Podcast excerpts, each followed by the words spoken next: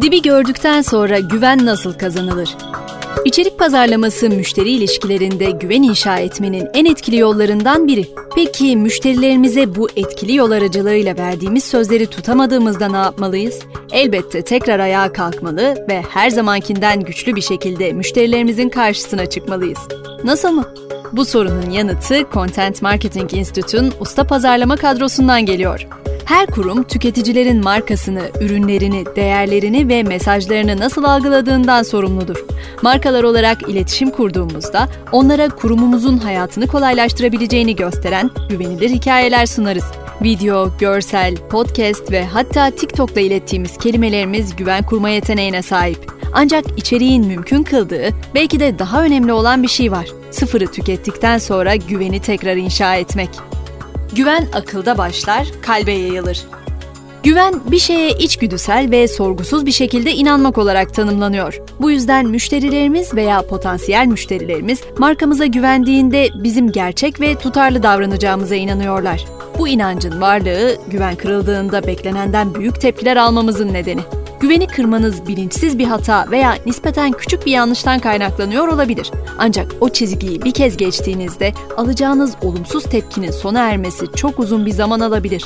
Pazarlama var oldu olalı güven konusunda sorunlar yaşıyor. HubSpot'un tüketicilerin hangi profesyonellere ne kadar güven duyduğunu ortaya koyduğu araştırmasına göre pazarlamacılar %5 ila 10 arasında değişen bir güven yüzdesine sahip ve baristaların bile altında yer alıyor. İçerik pazarlamacıları bu etiketin yükünü her gün taşıyor. Neyse ki ön yargının varlığı bu ön yargıyı kıracak fırsatı ve gücü de beraberinde getiriyor. Ancak büyük güç büyük sorumluluk demektir.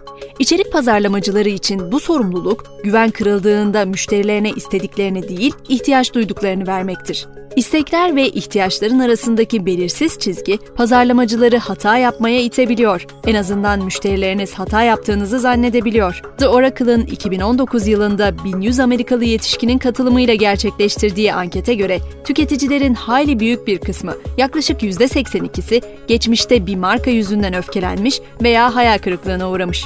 Katılımcıların %43'ü bu markaları kara listelerine almak için bir kötü deneyimin yetip de arttığını belirtmiş. Müşterilerinizin güvenini kırdığınızda onların gözünde sonsuza dek silinme ihtimaliyle karşı karşıya kalırsınız. Ama bu durum her zaman bu kadar siyah beyaz olmak durumunda değil. Neyse ki neden olduğunu sasar bu tatsız durumu direkt ve efektif bir şekilde çözdüğünüzde ne sizin ne de müşterinizin düşündüğü kadar kalıcı olacaktır. Örneğin Pepsi 2017 yılında yayınladığı Kendall Jenner kampanyasıyla tüketiciler tarafından Black Lives Matter hareketini tiye aldığı gerekçesiyle suçlandı. Çok gecikmeden müşterilerinin yorumlarını dikkate alan Pepsi kampanyayı geri çekti. Ancak hızlı davranmalarına rağmen bu kampanya akıllarımızdan silinmedi. Öyle ki Pepsi'nin bu hatası iki ay önce tekrar karşısına çıktı ve kurum bu sefer beklenen aksiyonu almak durumunda kaldı. Haziran 2020'de PepsiCo, ABD'de yaşayan siyahi insanların sosyal ve ekonomik gelişimini engelleyen sistemli ırkçılığın ortadan kaldırılması için üstüne düşeni yaptı ve değeri 400 milyon dolardan fazla olan bir inisiyatifi hayata geçirdi. Konu hakkındaki tweetlerinde geçmiş hatalarımız bugünkü aksiyonlarımızı durdurmayacak sözlerine yer veren Global Gıda Organizasyonu hem geç hem de güç de olsa doğru bir adım attı. Hiçbir şey bitmiş değil.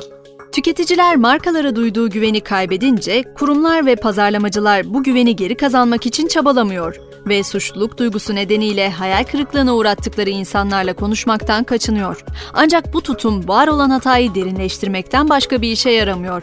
Örneğin birçok yazılım girişimi hata yaptıklarını veya kendilerine gerçekçi olmayan hedefler belirlediklerini kabullenmiyor.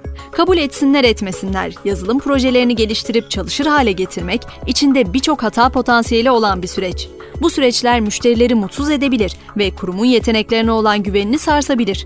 Müşterilerinizin dışındaki insanların bu hatalardan haberi olmasa dahi sürecin cefasını içerik pazarlaması çekebiliyor. Öyle ki mutsuz müşteriler ne referans verir, ne vaka incelemelerine katılır, ne kurumun etkinliklerinde konuşmacı olur, ne de PR çalışmalarında logolarının kullanılmasına izin verir. Geri kazanılan güven müşterinizle ilişkilerinizi çok daha anlamlı kılabilir. Ancak dikkatinizi müşterinize yeterince verir ve onlarla ilgilenirseniz sorunlarını çözmeyi gerçekten istediğinizi görüp size bir şans daha verebilirler. Tıpkı bir vazo gibi. Kırılan şeyleri dikkatle ve değer vererek tamir ederseniz dönüştükleri şey daha güzel, eşsiz ve dayanıklı olur. Markalar ticari sözlerini tutup tutulan sözlerin sonuçlarını sunduğu sürece içerik pazarlamacıları marka hakkındaki yargıları yeniden şekillendirip kaybedilen güveni kazandırabileceği gibi müşteri sadakatinin güçlenmesine olanak sağlayabilir. İçeriğimiz doğru adımları atacağımızı, müşterilerimizin beklentilerini karşılayacağımızı ve marka sözlerini yerine getireceğimizi ortaya koyduğunda müşterilerimiz hem bugün hem de gelecekte hizmetlerimizden yeniden yararlanmaya karar verebilir. Bu olumlu geri dönüş bir günde olup bitmeyecek. Güveni tekrar kazanmak, her iki tarafında süreç boyunca yan yana olması, hatalı markanın yanlış bir şey yaptığını kabullenmesi ve bu yanlışı düzeltmek üzere aksiyonlar alıp gelecekte nasıl daha iyi olacağının iletişimini yapmasıyla mümkün. Bahsi geçen her adımda içerik pazarlamasının rolü oldukça kritik. İçerik ekipleri güveni nasıl tekrar inşa edeceğine dair inisiyatif almalı. Daha iyi ve güçlü ilişkiler itibarınızı iyileştirmenin yanı sıra hem maddi hem de manevi getirilerinizi daha ödüllendirici kılar. İyileşme yolunda. Güveni tekrar inşa ederken yapılacakları The Post, Truth Business kitabının yazarı Skip Richard, gerçek olun, saydam olun, güvenilir olun cümleleriyle özetliyor. Bizim ekleyebileceğimiz üstüne bir de sabırlı olmanız. Tüm bunları yaparken atabileceğiniz ilk adımlara değinecek olursak 1. Özür dileyin. İçerik pazarlamacılarının markalarını özür dilemeye ikna etmesi her ne kadar zor da olsa özür dilemenin tek bir yolu yoktur. İletişiminizi mümkün olduğunca mütevazı, dürüst ve mahcup olduğunuzu hissettiren bir tonla yapın. Örneğin PwC 2017 Oscar'larında en iyi film kazananını yanlış ilan ettiğinde kısa, hızlı ve net bir şekilde hatalarını kabullendiğini belirtip kamuya açık bir şekilde özür diledi. 2. Müşterilerinizi dinleyin ve onların ihtiyaçlarının sizi yönlendirmesine izin verin. İşler yolunda gitmediğinde markanızın bu yanlıştan nasıl etkilendiğine veya paydaşlarınızın düşüncelerine değil, müşterinizin ne hissettiğine odaklanın. Duruma yanıtınızı hazırlarken müşterilerinizin bu metne nasıl yaklaşacağını kestirmeye çalışın veya direkt kendilerine sorun. Söylediklerinizin o anda duymak isteyecekleri şey olup olmadığını düşünün. Örneğin ürün tedariğinden kaynaklanan bir sıkıntıdan dolayı tavuk stoğu tükenen Kentucky Fried Chicken bir Londra gazetesine boş bir tavuk kovasını merkezinde bulunduran tam sayfa bir ilan verdi. Brexit döneminde yaşanan bu olay gündem sebebiyle stresli okuyucuların yüzünde biraz bile olsa tebessüm yaratmayı başardı. Aynı zamanda Britanya toplumunun kelime oyunları ve alçak gönüllülük üzerine kurulu mizah anlayışına da hitap ederek kitlelerin beğenisini kazandı. Kentucky Fried Chicken'ın bu cüretkar hareketi yalnızca öfkeli müşterilerini sakinleştirmekle kalmadı. Potansiyel müşterileri de Kentucky Fried Chicken'ı tercih etmeye ikna etti. 3. Küçük düşürücü olsa dahi gelen yorumları yok saymayın halka açık bir biçimde markanıza çağrıda bulunanları veya eleştirenleri dinlemekten korkmayın. Hatta bu görüşleri bakış açınızı genişletmek ve yapacağınız geliştirmeleri mükemmelleştirmekte kullanın.